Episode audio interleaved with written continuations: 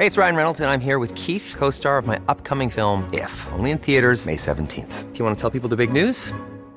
All right, I'll do it. Sign up now and you'll get unlimited for $15 a month in six months of Paramount Plus Essential Plan on us. Mintmobile.com slash switch. Upfront payment of $45 equivalent to $15 per month. Unlimited over 40 gigabytes per month. Face lower speeds. Videos at 480p. Active Mint customers by 531.24 get six months of Paramount Plus Essential Plan. Auto renews after six months. Offer ends May 31st, 2024. Separate Paramount Plus registration required. Terms and conditions apply if rated PG. Ryan Reynolds here from Mint Mobile. With the price of just about everything going up during inflation, we thought we'd bring our prices down. So to help us, we brought in a reverse auctioneer, which is apparently a thing. Mint Mobile unlimited premium wireless. Ready to get 30, 30, bit to get 30, bit to get 20, 20, 20, bit to get 20, 20, bit to get 15, 15, 15, 15 just 15 bucks a month. So, Give it a try at mintmobile.com slash switch. $45 up front for three months plus taxes and fees. Promo rate for new customers for limited time. Unlimited more than 40 gigabytes per month. Slows. Full terms at mintmobile.com. systrarna Elvstrands hästpodd är producerad av Media House by RF. Hej allihopa och välkomna till systrarna Älvstrands hästpodd avsnitt 87. Tjenare, tjenare. Jag som pratar nu heter Anna. Och jag heter Emma och vi är två systrar som älskar hästar och gillar att diskutera både vårt egna hästliv men också hästlivet i stort och ridsporten i stort och smått. Vi älskar att diskutera andras hästliv också. ja, precis. Men eh, hur är läget med dig då, Emma? Jo, men det är bra får jag säga. Vi har precis haft möte med vår agent Rebecka och eh, det är alltid lika härligt att snacka med henne. Hon är så positiv så nu känner jag att jag har fått mycket positiv energi och vi har många roliga projekt på G också. Ja, men alltså, jag känner mig också så himla glad. Rebecka är så fantastisk på alla sätt och vis för hon hjälper oss med eh, samarbeten och idéer kring hur vi ska jobba med annat egentligen också. Ja, med hela vårt eh, varumärke. Mm. Och vi har ju många roliga grejer på G nu som vi hoppas ska kunna genomföras i framtiden. Ja, det är så tråkigt när folk säger sådana jag har lite hemlisar på gång som jag håller på att jobba med men ni får snart veta. Ja. Men eh, det är ju lite så, vi kan ju inte avslöja allting. Nej, det kan vi inte göra. Men eh, vi har ett väldigt roligt jobb i alla fall. Det får man ju gott eh, säga. Verkligen, och eh, det är bra med mig också för Mm. övrigt. Jag eh, känner mig pigg och glad och det känns som att den här veckan har startat på ett bra sätt och jag hoppas att den ska fortsätta så med. Ja, men det håller jag verkligen med om. Nu får vi hoppas att all skit är borta så att vi bara kan få in massa positiv energi igen i våra liv. Eller hur? Och det, det är roligt, eller nej det är verkligen inte roligt. Det, det värsta med det här året är att det har liksom hänt en grej och så har man smält det hela och så börjar det bli lite positivt och gå bra igen. Och sen så har det hänt nästa grej. Så det, det här året har bara varit en stor käftsmäll hittills. Vi får hoppas på att 2022 kanske blir vårt år istället. Ja men alltså, jag, grejen är att förr i tiden så hade jag nog varit mycket mer negativ kring hela saken och bara åh det här är ett jävla skitår. Men jag har hela tiden varit lite positiv det här året och bara ja men det kommer bli bättre och det kommer bli Ja. bättre men varje gång man tänker så och det liksom börjar gå lite bättre nej då händer någon mer Ja. grej. Typ pappa blir sparkad i ansiktet och kunde lika gärna ha dött. Men åh vad bra det går. Ja. Typ. Vi får ta bort vår häst. Åh vad, vad trevligt det var. Mm. Något. Nej, så att det har varit ett kämpigt år. Men vi har ju ändå eh, ja, knappt, eh, vad blir det? Två och en halv månad kvar. Mm. Ja, Det kan ju bli bättre det nu. kan väl bli bättre. Men alltså på tal om det här med positiv och negativ energi. Alltså jag vet inte vad som har varit med mig de senaste veckorna. Men jag har haft så fruktansvärt kort stubin. Och jag har ju egentligen ganska lång stubin, har ganska bra tålamod, är överlag ganska positiv. Men jag har varit en liten citron det senaste. Ja, det är helt otroligt alltså. Ja. Jag har varit helt i chock och bara, men alltså är det här Emma? Du, du är ju, alltså om man tänker dig och mig, så, så är jag ändå den lite mer hetlevrade och du den lugna. Men nu har det varit tvärtom det senaste. Ja, alltså jag vet inte vad det är med mina hormoner för eh, någonting vajsing är det ju för jag har varit alltså, så märklig det senaste. Jag känner knappt igen mig själv.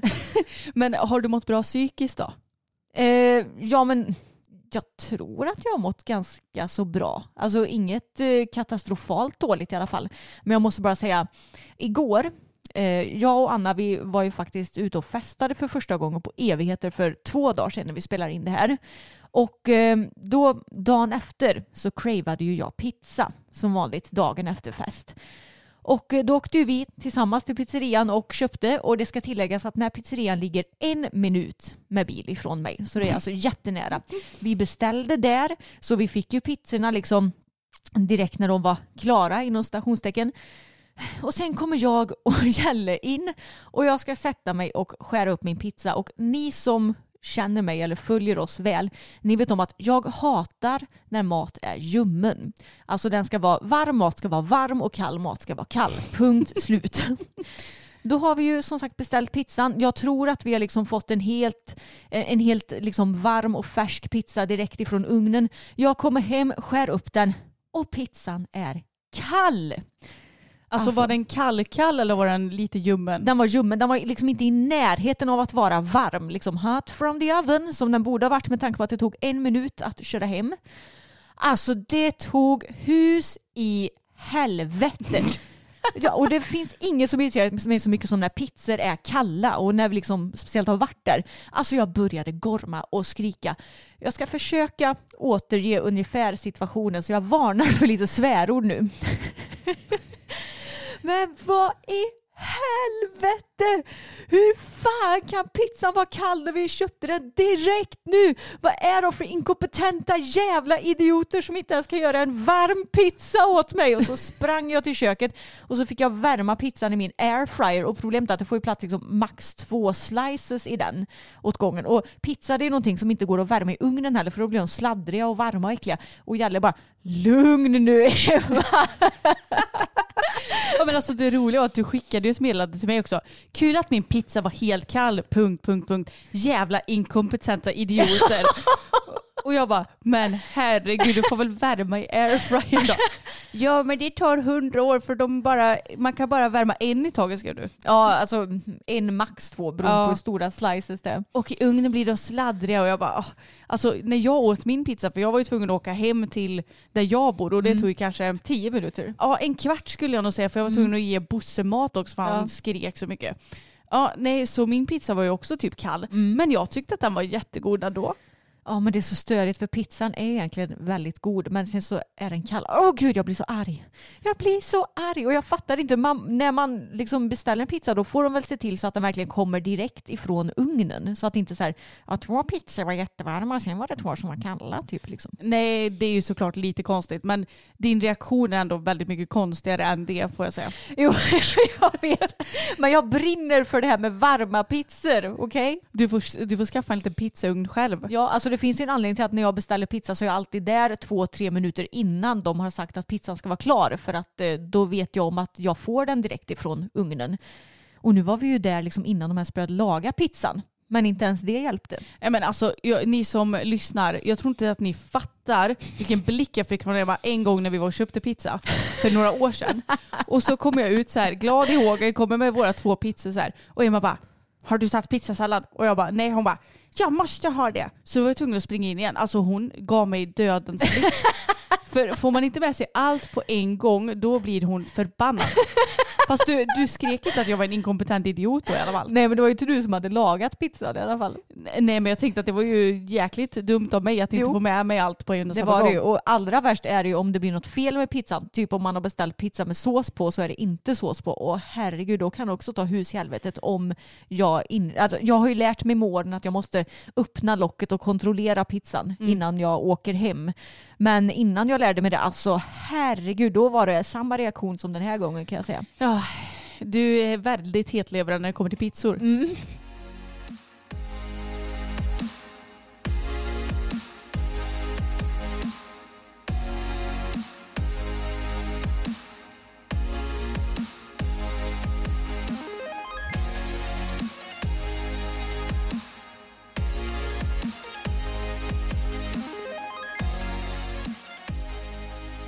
Men Emma, du och Belsan har ju äntligen varit ute och tävlat igen. Ja, det var så kul. Alltså, jag har insett att jag inte tävlat Bella på ett år.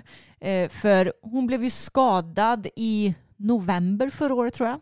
Började hon kännas märklig och sen så kom vi liksom inte riktigt underfund med vad som faktiskt var felet på henne förrän i typ, när kan det ha varit? April kanske? Ja, Eh, något sånt. För hon blev ju friskförklarad i juni.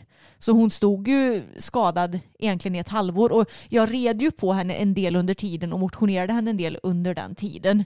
Ehm, för att eh, det, det gick lite upp och ner med den skadeperioden. Men eh, så det var ju första tävlingen på ett år nu och eh, otroligt kul. Det, tävlingsdebuten med henne skulle egentligen ske tidigare. Men så flög jag av och skadade stjärten så det blev inget med det. Och eh, jag hade ju planerat att hoppa en meter med henne nu i helgen. Men sen så gick ju inte förra hoppträningen sådär skitbra direkt.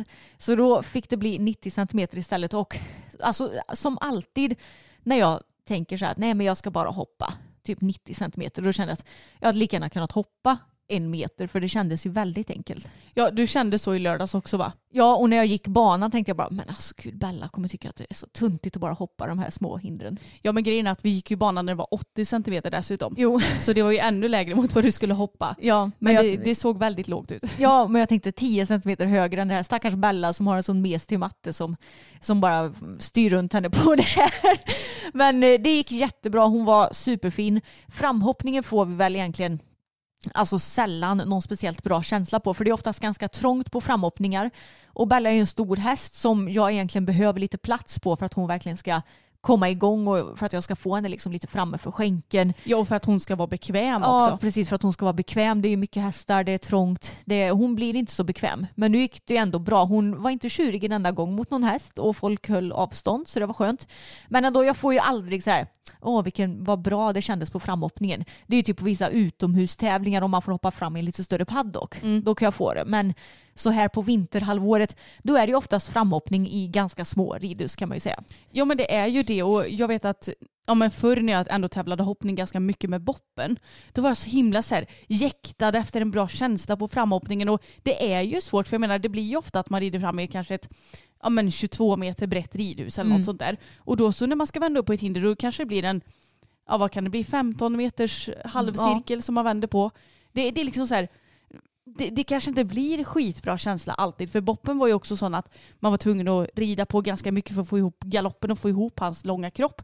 Men det är så här, det är inte hela världen om det inte, om det inte känns 100% på framhoppningen. Nej, precis. Och det är ganska skönt för det har jag lärt mig med åren känner jag. Och speciellt med Bella att jag vet att hon är nästan alltid liksom 100% inne på banan. Men på framhoppningen kanske det känns 50% och det är ändå skönt att eh, att jag ändå kan ha den isen i magen och känna mig lugn med det. Att ja, ja, framhoppningen det, det gick okej. Nu har vi värmt upp så hon är varm i kroppen och liksom inte skadar sig för att vi hoppar in på banan.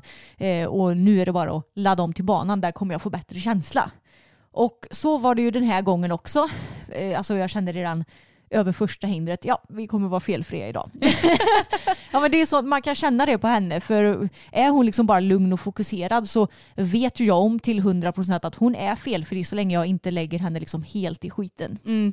Nej men det var verkligen en jättefin runda tyckte jag att ni fick till och det såg ju oerhört enkelt ut så att som sagt ni hade verkligen kunnat hoppa en meter istället. Ja, och det var så skönt att känna att jag inte kände mig lika ringrostig nu på träningen som jag, eller vad säger jag, på tävlingen som jag gjorde på träningen veckan innan.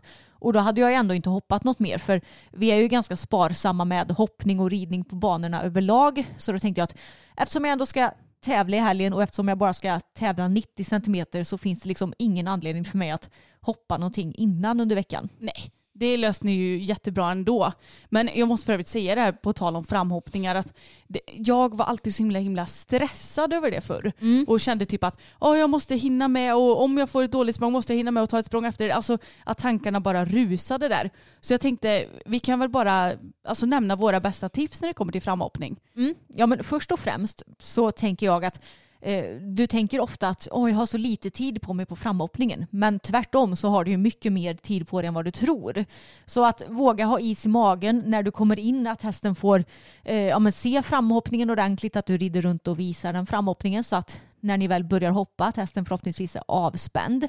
Och sen ja, men börja med ett par lite lägre språng och eh, jag föredrar att eh, ja, men när jag hoppar fram att jag kanske tar ett hinder och sen att jag fortsätter att galoppera och tar det direkt igen. Så att det inte blir så himla mycket skrittavbrott för det är lättare att ta ett hinder två gånger i rad och att hästen då faktiskt behåller den här bra galoppen som den har. Det är faktiskt väldigt sant om man nu har möjlighet till det. För att ibland så skrittar folk på spåret och ibland är folk lite i vägen utan att för den saken skulle vilja vara i vägen förstås. Men det är ju lite trångt på framhoppningar. Och jag skulle säga att mitt bästa tips också är att se till att hästen verkligen är ordentligt framskrittad innan man ens sitter upp. För att har man väl skrittat hästen en bra stund då, då kan man liksom man behöver inte lägga jättemycket tid på att trava och galoppera då utan då är hästen ändå varm i, i kläderna. Liksom. Mm. Det är klart att man ska trava och galoppera också men ni förstår nog vad jag menar. Eh, Jag brukar lägga mycket tid på framskrittning när jag ska tävla överlag.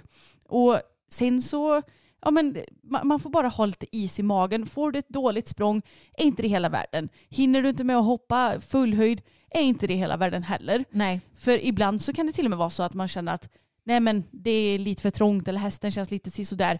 Jag, jag kommer inte ta något hinder på en meter idag för att det, jag vet att det kommer ordnas inne på banan. Ja precis, alltså, det är alltid mycket, mycket svårare och hindret känns mycket högre på framhoppning än inne på banan. Så det här med att det ska hetsas att man ska hoppa fullhöjd och vissa hoppar ju dessutom typ ännu högre Mm. på framhoppningen än inne på banan. Det är ju helt onödigt. Och ja, att man inte ska hetsa så mycket. Hästen ska ju värma upp och jag menar det är ju samma när vi tränar. Ibland så hoppar vi ju fram lite lägre och sen höjer man upp när du hoppar banan. Och det är inga konstigheter och jag tänker att då kan du ju tänka samma sak på framhoppningen. Den är ju till för att hästen ska bli varm i kroppen och att du ska liksom bli varm i själva hinderridningen men höjden på hindren spelar ju ingen roll.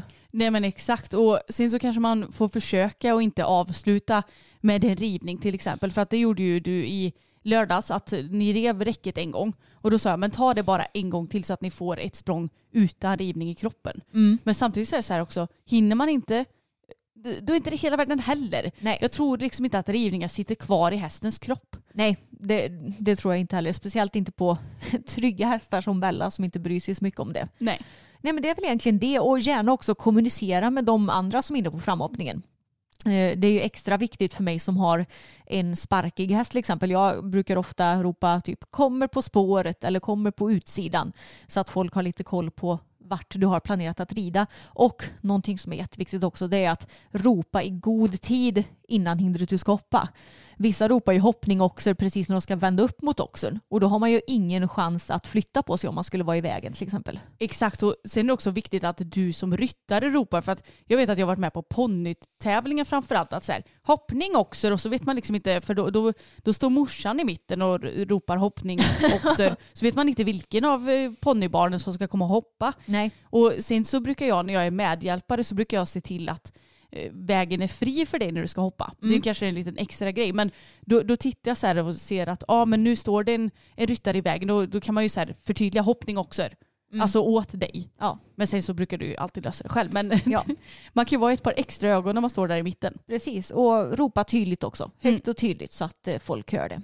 Eh, ja, har vi några fler tips? Jag Nej. tror att vi har sagt det mesta vi kan faktiskt. Ja, och det gäller ju att ha vässade ögon också så att man verkligen håller koll på vart alla är någonstans så att man inte råkar krocka eller vad som helst. Precis. Men det som var så kul på den här tävlingen också det var ju att äntligen kunde pappa hänga med på tävlingen efter de här långa coronarestriktionerna som har funnits. Ja men alltså så kul för att nu har vi ju, ja men Emma har ju följt med mig på många tävlingar och du har, eller jag har följt med dig på många tävlingar. Och så har det varit för att det är ju enklast, vi vet när man vill ha film och lite sådär.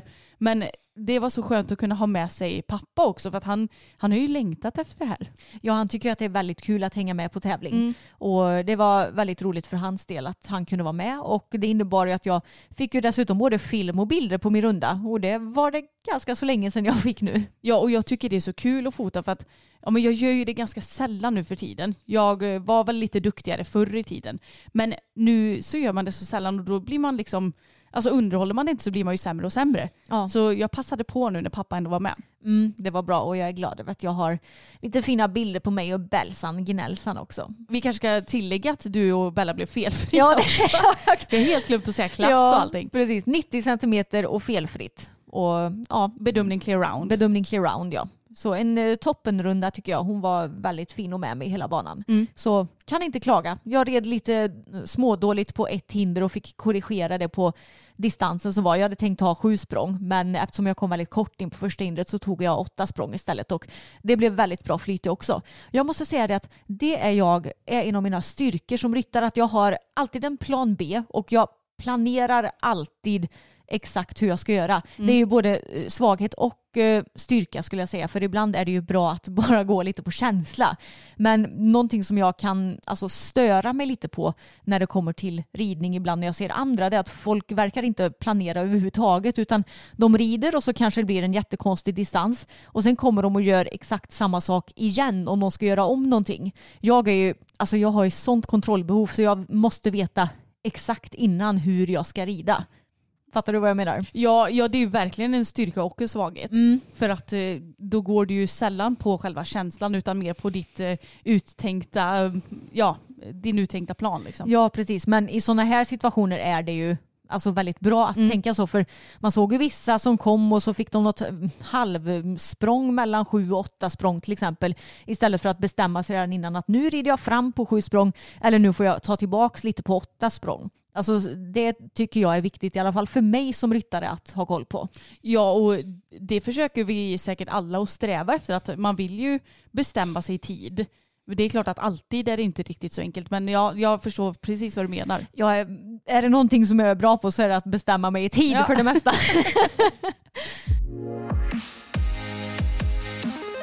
Samma dag så hade jag och Fokus dressyrträning för Johan. Äntligen. Jag eh, var ju lite avundsjuk på att du fick rida istället för mig sist. ja, och nu var jag avundsjuk för att du fick rida den här gången. Ja, det var ju lite tråkigt att det krockade med din tävling. Och jag måste bara säga det också att jag kände sen när jag gick banan, när eh, du skulle gå banan, för 80 och 90 var samma bana, bara att de höjde emellan. Jag bara, åh, jag Fokus borde varit med här. Ja, jag vet att du blev lite avundsjuk på att jag fick tävla och inte du. Ja, Jag blev väldigt sugen, men grejen var att när anmälan släpptes för den här tävlingen, då kände jag att jag Fokus inte riktigt var redo. Men eh, nu när jag gick banan så bara, alltså vi hade ju varit så redo. Ja. Men i alla fall, då fick jag ju dressyrträna istället och det var inte fy skam för oj, oj, oj, oj, oj, vilken hjälp jag fick. Eh, vi, eh, Johan sa det, ah, vad, vill du, vad har du bekymmer med, sa han. Och då tänkte jag allt. Nej, men jag sa att eh, det som eh, inte går så bra på tävling det är ju förvända galoppen. Och sen så sa jag också att jag eh, har lite önskemål om att eh, starta Millsfors innan året är slut. Och då behöver jag träna lite extra på öppnor och slutor för det har vi inte gjort så jättemycket. Så det blev helt enkelt det som vi tränade på. Och vi fick börja med att galoppera. Och det första som Anna Elfstrand gör fel det är att hon fattar galopp med hela kroppen istället för Jaha. att låta fokus falla in i galopp. Menar du typ att du lutar dig framåt när du fattar galopp eller vad? Ja men jag tar liksom lite sats. Ja, du tar, tar i. Ja, och Johan han bara du, nu ska du verkligen sitta och luta dig bakåt. Alltså nu menar inte han att man ska sitta som en pannkaka över hästen. Men ändå lägga vikt på hästens bakdel och på ens egen bakdel. Och sen så sa han, du kan fatta galopp nu, nu, nu. Och så sa han ju liksom när fokus satte ner rätt bakben. Och sen så sa han bara, flytta om skänklarna pyttelite och så låter du honom falla in i galopp. Och jag tyckte det var ganska så tydligt sagt också att hästen ska falla in i galopp och att man inte ska fatta galopp. För jag tänker att det är ju det jag gör, jag fattar ju galopp. Jag, jag försöker att liksom hela min kropp att han ska fatta galopp istället för att han ska falla in i galopp. Förstår du vad jag menar? Ja. Så att det var jätteintressant och när jag väl hittade rätt så gjorde ju Fokus jättefina fattningar med mycket mer flyt i galoppen redan från start. Och sen så sa Johan också att i höger varv så eh, Fokus galopperar så här sa han och så visade han hur han sprang. Och Fokus blir gärna sån att han tippar liksom utåt i höger varv. Ja. Han springer så att eh, om man rider på en 15 meters volt så blir det till slut en 20 meters volt för att han tippar utåt lite hela Mm. tiden. Och jag har inte riktigt vetat hur jag ska eh, ta kontroll över det problemet eller så. Men då sa Johan till mig att ja, men tänk lite öppna och att du bara tar fram din ytterfot för att han faller ut med framdelen liksom. Mm. Och eh, att du tar fram din ytterfot och, och försöker att få in framdelen och samtidigt som att du verkligen lutar dig bakåt och sätter dig på hans högra bakben så att han inte faller utåt och det gick hur bra som helst. Mm. Och så fick jag galoppera lite i båda varven och göra en del fattningar då. Eller ja, eh, eh, vad ska man säga? Fallningar. Fall. Ja, Precis. Eh, Så att eh, när det satt sen så skulle jag göra samma sak fast i förvänd galopp då. Och samtidigt när vi galopperade så gjorde vi lite tempoväxlingar också.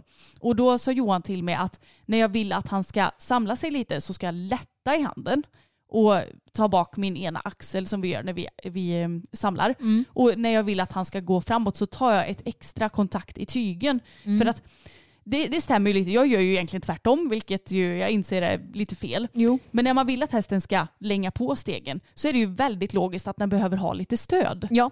För jag menar om man tänker till travhästarna till exempel. Mm. De har ju ganska så bra stöd i handen för att de ska kunna trava på ordentligt. Mm. Och de gör ju egentligen också så som jag ska försöka att lära mig nu. Ja, exakt. Att när man lättar i handen så bromsar de ner och när man håller i så, så springer de på. Ja, men det, bara en liten parentes det där. Om eh, man relaterar till EM till exempel. Mm. Då var ju Jessica von Bredow Werndl, hon gjorde ju väldigt fina samlingar. Och eh, då såg man att hon lättade ju verkligen i handen i Mm. dem. Och det nämnde ju kommentatorerna också att eh, eller om det var på OS, ja, eh, whatever, det spelar ingen roll, båda. Men att eh, då nämnde kommentatorerna att här ser man att Jessica lättar i handen medan de andra i samlingen snarare liksom tar i hästens mun. Mm. Och då blir ju hennes samlingar mycket mer korrekta och ser dessutom mycket mer harmoniska ut. Ja men det blir ju det istället för att behöva sitta och slita och dra i hästens mun så kan den bära sig själv på ett helt annat Mm. sätt. Så att eh, det gjorde vi och det var så härligt när vi hade gjort det några gånger så kände jag verkligen när jag kramade till i båda tyglarna och tänkte att fokus skulle gå framåt. Alltså jag kände så här hur han boom, alltså att man kände att han la i en växel till. Mm. Och sen så är inte det att vi gör några spektakulära läggningar och så just nu. Men att man ändå får in själva tänket. Mm. Och sen så gick vi över till förvänd galopp och då när vi hade fått sån bra koll på hans galopp redan när vi hade galopperat i rättvänd galopp, både i och med fattningar och det här med lite öppna tänk i höger varv. Vänster varv bär han ju sig väldigt, väldigt bra själv och jag sitter också mycket bättre i vänster varv för att jag har enklare för det varvet så att där har vi inte lika mycket problem. Men, ja, men då, då, allt bara full på plats. Ja, men det, det har man ju märkt för övrigt i högergaloppen när du ska galoppera förvänd galopp i höger galopp, alltså i vänster varv. Då f- vill han ju också falla inåt mitten. Och det Precis. blir ju egentligen utåt och han vill ju falla ut på sin yttersida fast den är på insidan då. Så då kanske ni kommer kunna få till det här bättre i framtiden då på tävlingarna. Ja, kanske inte nästa tävling redan för att jag menar det här är ju någonting som jag måste sätta i system och som båda två behöver lära sig. Men alltså det var sån ögonöppnare och Johan bara, alltså han galopperar ju inte. Det, det, det är ju ingen korrekt galopp och både jag och Fokus tänkte bara, nej.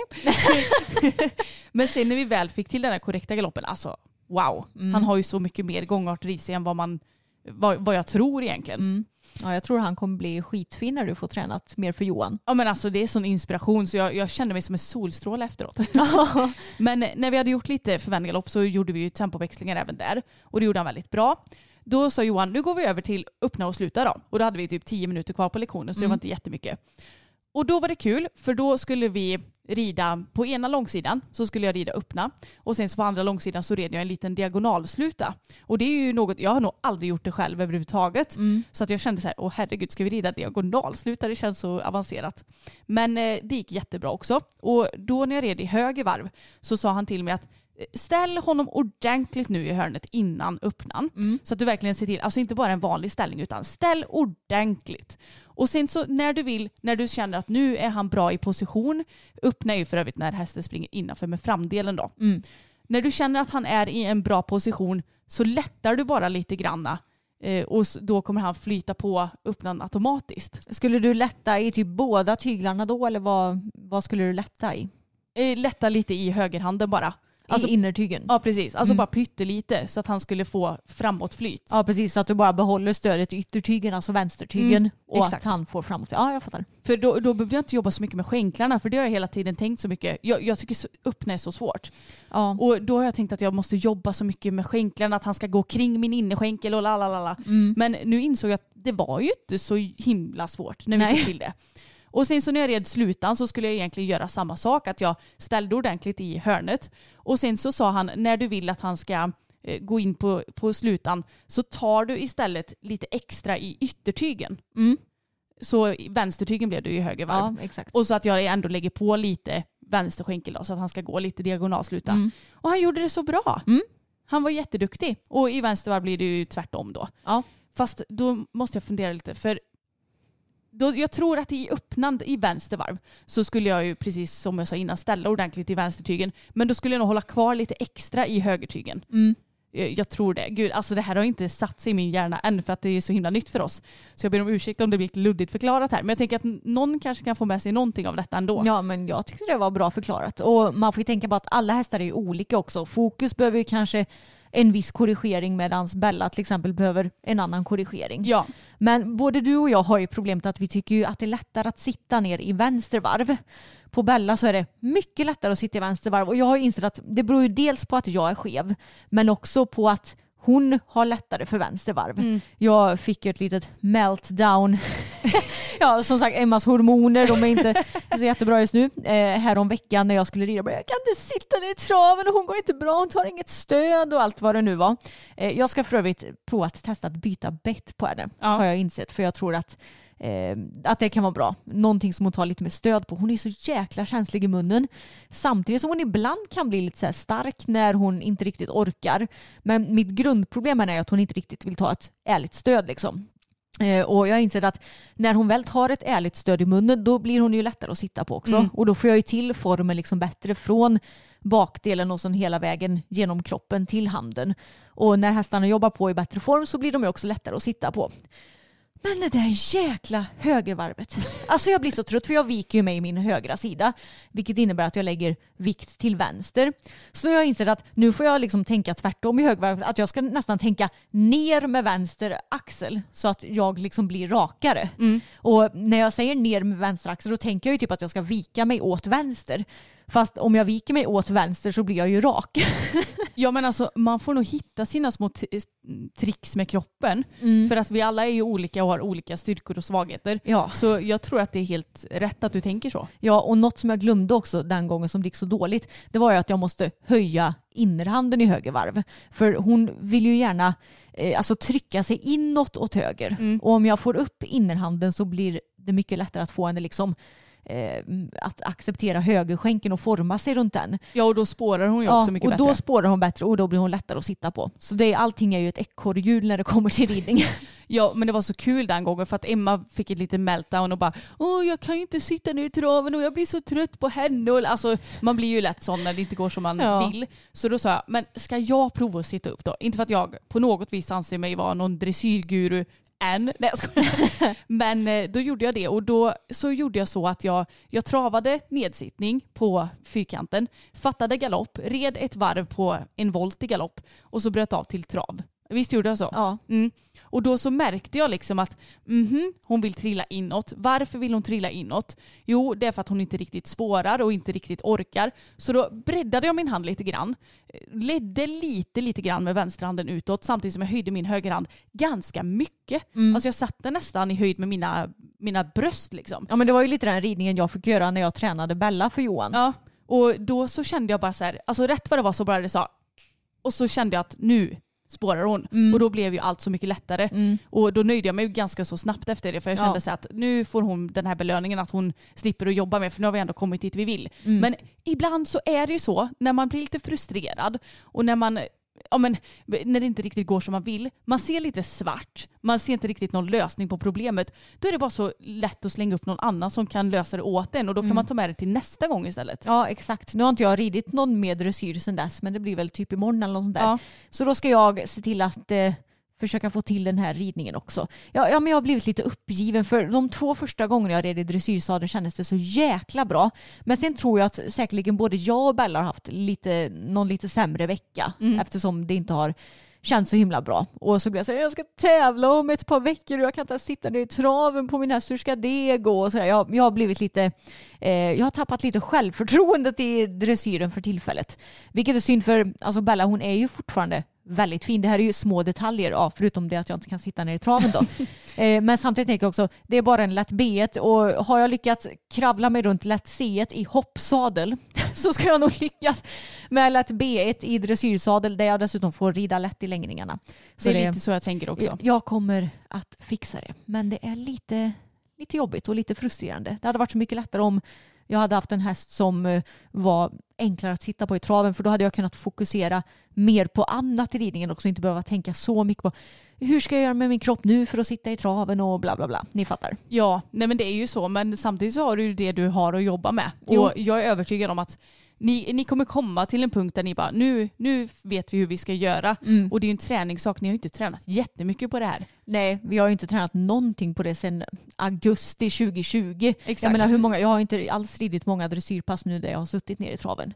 Så jag behöver bara få in rutin på det hela tror jag. Ja, och du behöver nog eh, vara lite snällare mot dig själv tror jag. Jo, precis. Men det är lätt, jag, jag blir också jag blir så himla elak mot mig själv ibland när jag inte får till saker. Så Ja. att det är lätt att säga när man står ute för det. Ja, precis. Men på, alltså då, på grund av att jag haft lite svacka med dressyren så känns det ändå skönt att hoppningen gick så himla bra. Ja, Eh, att den, vi ändå lyckas trots att eh, jag har haft lite varierande självförtroende i ridningen den senaste veckan. Men sen så blir jag ju heller inte riktigt klok på det här med nedsittningen för som sagt, det känns bättre i vänster varv. Jag känner mig så mycket mer stabil och det känns inte som att jag liksom studsar lika mycket och jag känner mig mycket rakare i kroppen och allt vad det nu är. Men sen så filmade ju vi härom veckan och den vloggen ligger ju för övrigt uppe på Youtube. Eh, och då filmade vi både när jag satt ner i höger och vänster varv. Men jag tycker typ att det såg bättre ut i höger varv när jag satt ner. Alltså att min sits såg eh, mer korrekt ut. Alltså det såg bättre ut i höger varv men kändes bättre i vänster. Ja, exakt. Det, det, det är konstigt ibland hur känslan inte stämmer överens med hur det ser ut. Jag vet, för jag tycker, alltså av bara det jag sett på filmen, nu är det den enda film jag har sett på mig i dressyren det senaste, där jag rider i dressyrsadel. Och då tycker jag att jag det ser ut som att jag satt mer lodrätt i höger varv. Och det ser ju inte ut som att jag studsar mer i höger varv än i vänster varv. Men det känns ju som om jag gör det. Så jag blir ju liksom inte riktigt klok på det hela. Vad ögat ser respektive vad min kropp känner. Nej men eller hur, men då kan du ju ändå bli lite trygg med att ja, men, det- det känns så här men jag vet att det ändå ser bättre ut än vad det känns. Ja, exakt. Det är skönt det i alla fall.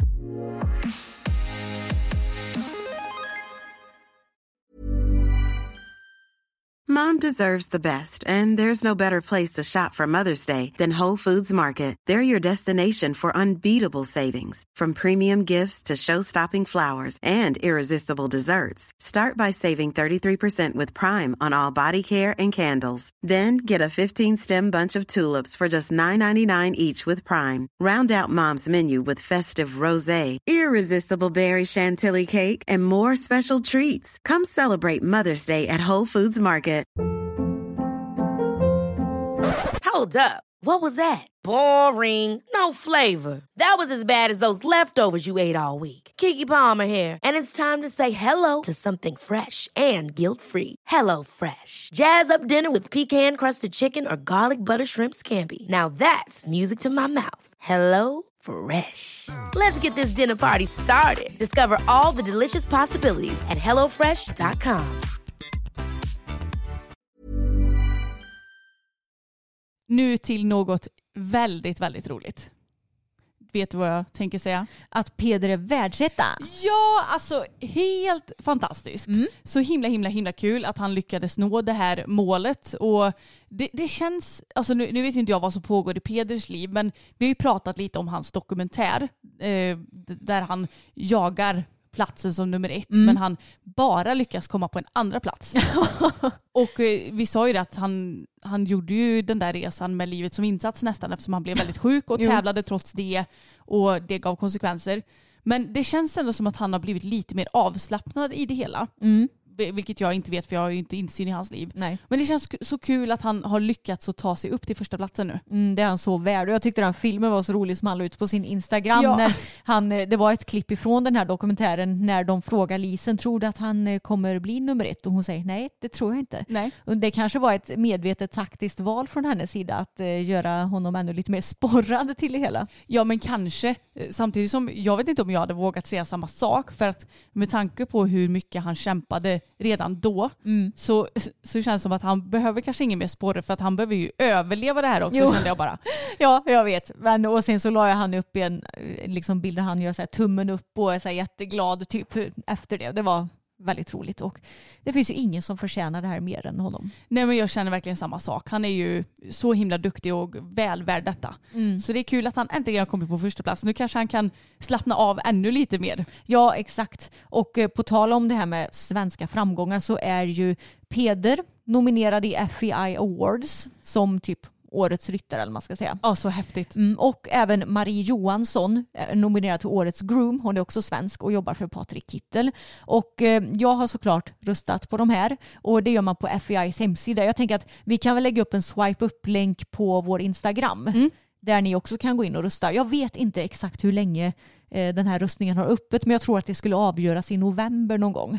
Det- får man bara rösta en gång per person eller? Det vet vet du jag inte. inte. Nej, men det, det skulle jag tro för jag röstade, man får logga in på typ Facebook till exempel Mm. och rösta. Eh, så, och by the way, man måste välja någon i alla kategorier.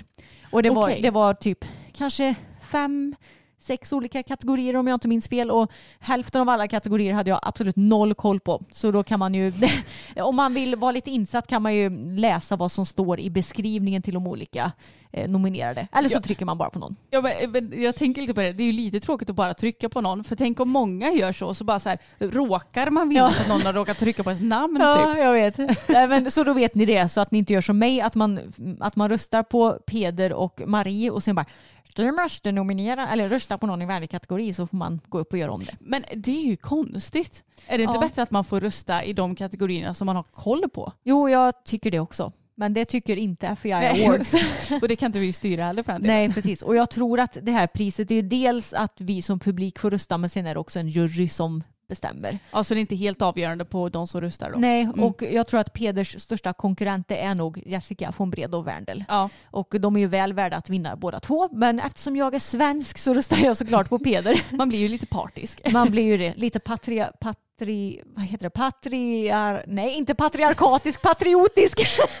Jag bara, vad försöker du säga? Ja, jag är väldigt dålig på svenska tydligen. Jag eh, tänkte bara tipsa om en övning som vi ju faktiskt har lagt upp på YouTube. Men jag tänkte att det är ju kanske inte alla som följer oss där som lyssnar på podden. Mm. Och det är övningen Fyrkanten. Den är väldigt, väldigt rolig. Och det enda man behöver är ju egentligen fyra stycken bommar. Sen om man vill så kan man ju använda sig av fyra stycken block. Det gjorde jag. Och är man nyfiken lite på hur jag har lagt upp det med bommarna och så, så finns det ju en YouTube-video med detta. Och vilken vlogg är det nu igen Emma? Ja, men man ser det på thumbnailen. Ja det gör man. Tage har eh, gjort den också. Men det är i alla fall en väldigt rolig övning som är nyttig för att man lägger upp det som en fyrkant med bommar och våra bommar är ju tre meter långa så det är ju perfekt att få till en studs eller vad man ska säga Mm. med stor häst. Men det är klart att man kan ju behöva justera lite beroende på hur stor hästen är såklart. Men jag måste säga att Fokus trodde jag inte skulle göra den här övningen så bra. För att han är ju gärna sån att dels tycker han att övningar blir lite tråkiga när han har gjort dem några gånger. Mm. Men också så är han inte jättebra på så här markarbete. Nej, men tror, tror du inte att det beror på att i Holland så gör de typ inget markarbete, de hoppar ju bara. Ja, det, har ju, det är ju vad vi har hört i alla fall. Ja, och Erika Lickhammer sa väl det i någon podd som hon var med i. Just det. Att där är det, I Holland är det typ bara banhoppning i princip. Och Ja. hoppa höga hinder och tittiga hinder men inte så mycket kanske gymnastik och bommar som det är i andra länder. Nej, och jag fattar väl att det är ju kanske banhoppning man vill lägga störst tryck vid för att det är det som man gör som mest när man tävlar. Men jag tycker att det är så bra med markarbete för att de sätter muskler och man får lite kul. Det blir lite kravlöst. Men han gjorde det otroligt bra faktiskt. Och jag märkte ju att det blev skillnad på höger och vänster varv. För att i vänster varv så ja, men han är mycket rakare där, vill inte riktigt falla inåt som han gör i höger varv och sådär. Men då, då rider jag så att jag rider an den här kuben i vänster varv och så lägger jag mig som en, man kan säga som en så här fyrklöver eller som en sån här eh, sevärdheter. Ja, det här vägmärket. Ja, exakt. Mm.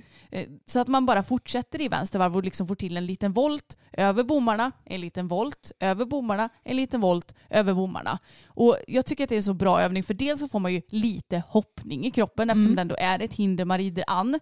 Man eh, kan sätta vilket tempo man vill och vill man samla lite så gör man det, vill man ha lite mer tempo gör man det. Man får tänka på hur man ska rida volten. Man måste hålla ut vägen samtidigt som det inte får bli för stort. Och jag valde att lite räkna galoppsprång. För då blev jag så här, ja men jag har fått 11 språng, då ska jag försöka få det så jämnt som möjligt så att jag får så jämna volter som möjligt. Mm. Sen måste man väl inte göra det, men jag tyckte ändå att det var ganska bra för då höll jag lite koll. Och sen i höger varv så trillar han ju lite in mot mitten så där får jag ju parera honom lite mer. Men han gjorde det ändå så himla himla bra och det är en rolig övning som man det kräver inte så mycket av varken ryttaren eller hästen men det är fortfarande väldigt nyttigt. Mm. I förra podden så pratade vi lite om det här med mäns makt inom ridsporten och att de kan sexuellt utnyttja och eh, våldta personer inom sporten för att eh, ja, de har möjlighet till det och eh, Ridsportförbundet verkar inte göra speciellt mycket åt saken. Och eh, jag fick ett DM då där det var en eh, person som sa att även pojkar blir utsatta för Ja. de här männen i maktposition. Och det glömde vi säga, vi fokuserar ganska mycket på tjejer och jag tror att det är väl dels för att vi själva är tjejer så att vi har kanske lite lättare för att relatera till det. Så jag glömde helt bort att säga att självklart så blir även pojkar utsatta för de här hemska männen som utnyttjar unga personer inom sporten. Ja, gud, det får vi verkligen inte glömma av. Men jag tror också att det som jag har ganska färskt i minnet det är ju den här dokumentären som jag pratade om som finns på P1 som heter Hästgården. Tror jag. Ja, precis. Och eh, då, då är det ju tjejer som pratar om Ja. det de har varit med om. Så att det blir liksom, jag blir så insnöad på just det. Ja, jag tror det med. Och det är jätte, den här Hästgården-dokumentären då, det är ju så extremt många olika unga tjejer som blir drabbade av en man. Och eh, så blir jag så trött på folk som ska hålla på och victim-blama de Mm. här eh, unga tjejerna, eller om det nu är pojkar som blir utsatta. För jag menar, de här personerna de kanske har liksom hästarna som sitt allt. De är jätterädda för att, eh, för att bli av med hästarna och för att bli av med sina vänner och gemenskapen och allt vad det nu är. Jag blir så jäkla trött. Put the blame där den hör hemma hos utövaren av de här hemskheterna. Ja men lite så. Och för er som inte lyssnat på den här dokumentären Hästgården som finns på P1. Den behandlar ju ja, men ett fall som hände, det var väl på 80-90-tal tror jag. Och även senare. Ja, alltså ja. det, det pågick under decennier. Ja just det gjorde det. Just det.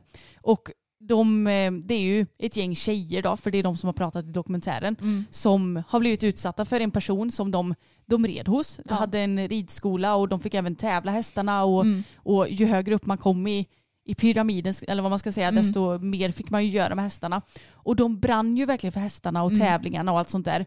Men så blev de utnyttjade av den här ägaren till gården. Och de vågade väl inte riktigt säga ifrån heller eftersom att de inte ville mista hästarna. Nej, exakt. Det var ju deras stora bekymmer eller så. Ja, och att de var väl rädda för att ja, men liksom bli uteslutna själva.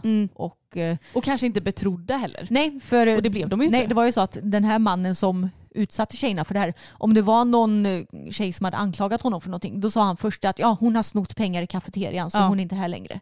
Och det är klart att då hjärntvättar ju han de här tjejerna till att tro att eh, nej men den här tjejen hon bara ljuger för hon har snott pengar.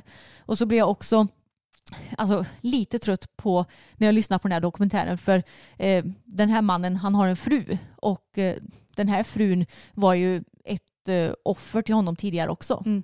Eh, och då blir jag så trött på folk som blamear henne. Ja, men varför gjorde inte du någonting och varför gjorde inte eh, du någonting och varför ljög du om att han eh, ja, inte gjorde någonting. Men hon var ju också ett offer. Exakt. Mm. Jag tror att många, eller de måste ju typ ha glömt bort det eller Ja. bort, bortsett från det. Nej, så det är en otroligt gripande dokumentär Mm. som verkligen är jätte, jättehemsk men väldigt eh, bra och ögonöppnande också. Ja, alltså jag tycker att du får väldigt bra insyn hur det faktiskt kan se ut inom ridsporten och jag tror Mm. att det här är säkert ingen ovanlighet att det ser ut så här. Nej, tyvärr. Tyvärr är det ju så. Okej, men från något allvarligt till något väldigt, väldigt gulligt. För jag eh, tror att jag följer Hipson på Facebook, alltså hästtidningen Hipson. Och då fick jag upp en så söt artikel. Eh, hästarna tog hand om nyfödda alpackafölet. Nej! Jo, en förmiddag i slutet av september möttes Carolina Nedhagen av en speciell syn när hon kom till hagen. Bredvid hennes unga stod ett nyfött alpackaföl. Att så unga djur utan erfarenhet kan göra något sånt skriver Carolina. När Carolina Nedhagen kom ner till hästhagen förmiddagen i slutet av september trodde hon först att det var ett rådjurskid som stod bredvid hennes unghäst. Men i själva verket var det ett alpackaföl. Vi har alpackor som går tillsammans med våra unghästar och äldre ston. Troligtvis var den lilla hingsten född bara en stund tidigare skrev hon. Och eh, sen så berättar hon också att mamman inte ville komma. I stallet så hade hennes unghäst tillsammans med islandshästen Fimur tagit på sig ansvaret som tillfälliga barnvakter. Jag skulle tro att mamman inte ville komma för att alpackafölet stod för nära hästarna. Min häst stod och slickade den lilla hingsten. Fantastiskt av en så ung häst som var nästan ohanterad för någon månad sedan. Vilket psyke och vilken förståelse för andra djur som behöver ens hjälp. Efter att Carolina burit bort alpackafölet till sin mamma så lät hästarna dem vara i fred. Och så måste jag visa dig bilden Ja, till jag har själva. helt missat det här. Men gud, är det så litet alpackafölet? Ja. Och, vänta, vad är det där ett föl till häst också? Nej det var en ung häst. Ja, det var en ung häst. Jag tänkte på herregud, är hästar så mycket större än alpackor? men det är. Och jag, eh, jag tänker att jag kan dela den här bilden på vår Instagram. Mm. För den är för gullig för att inte ses. Men alltså det är det här jag tycker är så häftigt med djur. Det känns som att eh, på något vis, även om det är olika arter så lever de i någon form av symbios. ja. Alltså de bara så här, ja ja men nu tar vi hand om det här och, och det är ju samma sak med, ja men så fort typ om en kattmamma dör Mm. så, så har man någon annan kattmamma som precis fått kattungar och de bara tar sig an utan att ens blinka liksom. Mm. Små kattungar. Det känns som att djur har så mycket mer förståelse på ett annat plan än vad vi människor har. Mm. Även Och- om vi såklart kan vara, inte vet jag, ammor och, och Jo. adoptera och bla bla, du fattar. Men det känns som att de har något, något eh, åttonde sinne eller något. Ja, och att de kanske har mer empati också än vad Mm. människor har. Jag vet inte, men det känns ju som det. Djur är ju så fantastiska på alla sätt och vis. Ja, jag tyckte bara att det var så gulligt så jag var tvungen att avsluta med detta Ja. kände jag. Ja men det var allt för den här podden hörni. En eh, podd som inte blir över timmen för en gångs skull. Ja, wow, applåder till oss som lyckades hålla det ganska så kort idag. Ja, nej men jag vet att ni gillar långa avsnitt så jag tror inte att vi behöver ha så mycket Mom deserves the best, and there's no better place to shop for Mother's Day than Whole Foods Market. They're your destination for unbeatable savings, from premium gifts to show-stopping flowers and irresistible desserts. Start by saving 33% with Prime on all body care and candles. Then get a 15-stem bunch of tulips for just $9.99 each with Prime. Round out Mom's menu with festive rosé, irresistible berry chantilly cake, and more special treats. Come celebrate Mother's Day at Whole Foods Market. Hold up. What was that? Boring. No flavor. That was as bad as those leftovers you ate all week. Kiki Palmer here, and it's time to say hello to something fresh and guilt-free. Hello Fresh. Jazz up dinner with pecan-crusted chicken or garlic butter shrimp scampi. Now that's music to my mouth. Hello Fresh. Let's get this dinner party started. Discover all the delicious possibilities at hellofresh.com. Eh, ångest över det. Nej, det tror inte jag heller och det gör oss så glada över alla fina ord vi får eh, om podden och ifall ni gillar vår podd så får ni gärna tipsa andra hästintresserade om den så att eh, ännu fler kanske får upp ögonen för podden. Verkligen. Eller förlåt, öronen för podden. Ja just det. och sen får ni gärna prenumerera om ni inte redan gör det för då missar ni inte när avsnitten släpps. Och sen så finns vi ju i rörligt material på YouTube där vi heter systrarna Elfstrand. Vi finns också på Instagram där vi heter systrarna Elfstrand där vi brukar lägga upp info och sånt om podden. Och sen så har vi också privata konton som heter Emma Elfstrand och Anna Elfstrand. Jajamän, det stämmer. Ni får jättegärna följa oss där. Men ha det bäst allihopa så hörs vi igen om en vecka. Det gör vi. Hej då! Hej då!